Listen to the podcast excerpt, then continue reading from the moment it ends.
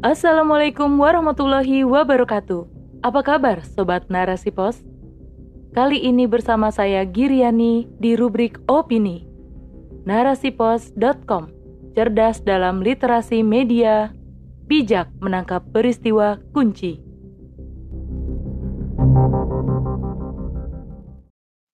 Perbudakan atas nama pendidikan oleh Diani Akwarib. Masyarakat Bekasi dibuat geram sehubungan pemberitaan mengenai siswa-siswa praktik kerja lapang atau PKL yang diupah murah oleh sebuah hotel di Bekasi. Bagaimana tidak, mereka hanya diberi upah Rp10.000 per hari dengan jam kerja sekitar 10 hingga 13 jam. Upah yang sangat kecil untuk jam kerja yang sangat panjang. Sungguh tidak manusiawi.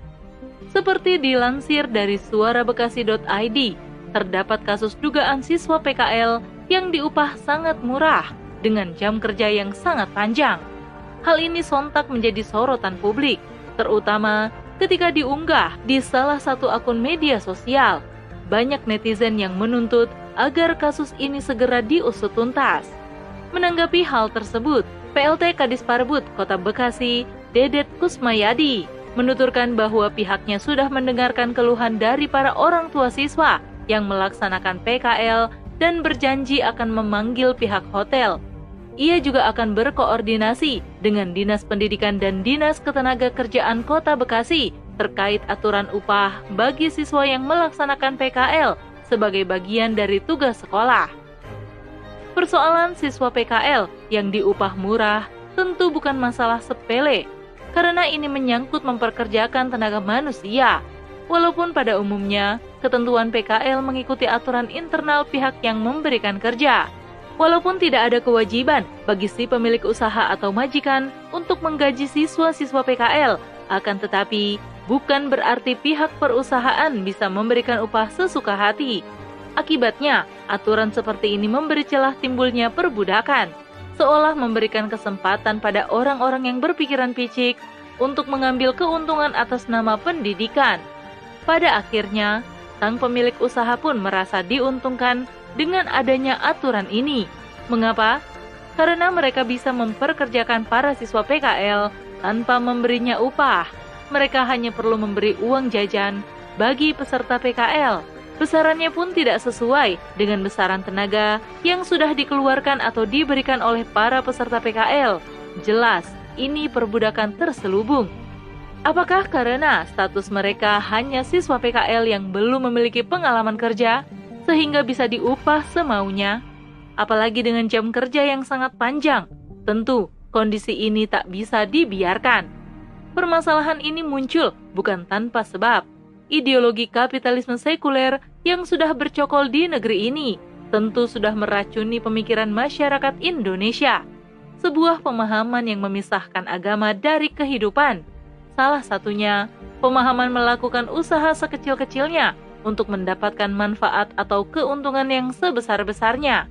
Pemahaman seperti ini sudah ditanamkan sejak lama karena tidak dikaitkan dengan pemahaman agama yang benar, akhirnya berbagai cara dilakukan, bahkan mengambil kesempatan dalam kesempitan, walaupun harus merugikan orang lain. Semua itu dilakukan demi mendapatkan untung yang sebesar-besarnya. Kondisi ini diperparah dengan adanya aturan-aturan yang justru menguntungkan pihak pemilik modal atau pengusaha. Mereka bebas mempekerjakan para siswa PKL dengan jam kerja yang panjang dan tanpa diupah Tentu hal ini sudah termasuk tindakan kriminal karena tidak menghargai tenaga manusia dengan layak. Dalam Islam, tenaga manusia sangat dihargai. Sudah seharusnya pengusaha atau majikan memberi upah yang layak dan sesuai akad. Upah atau ijaroh adalah pembayaran atau imbalan yang diberikan pada seseorang atas usaha, kerja keras, atau pelayanan yang telah dilakukannya seperti yang dijelaskan dalam salah satu hadis tentang mengupah pekerja atas jasanya. Dari Abu Hurairah radhiyallahu anhu, dari Nabi Shallallahu alaihi wasallam bersabda, Allah Subhanahu wa taala berfirman, ada tiga golongan orang yang aku musuhi atau perangi pada hari kiamat. Seseorang yang bersumpah atas namaku lalu mengingkarinya. Seseorang yang menjual orang merdeka lalu memakan harganya atau hasil penjualannya, dan seseorang yang mempekerjakan pekerja, kemudian pekerja itu menyelesaikan pekerjaannya, namun tidak dibayar upahnya. Hadis riwayat Bukhari.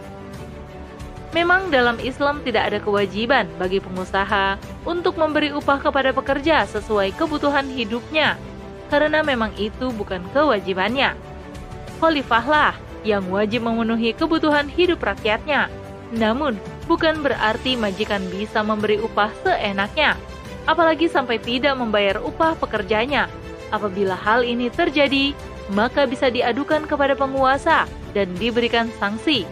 Oleh karena itu, ketika membuat akad, harus jelas seperti apa pekerjaan yang harus dilakukan, lamanya jam kerja per hari atau minggu, serta besaran upah yang akan diterima.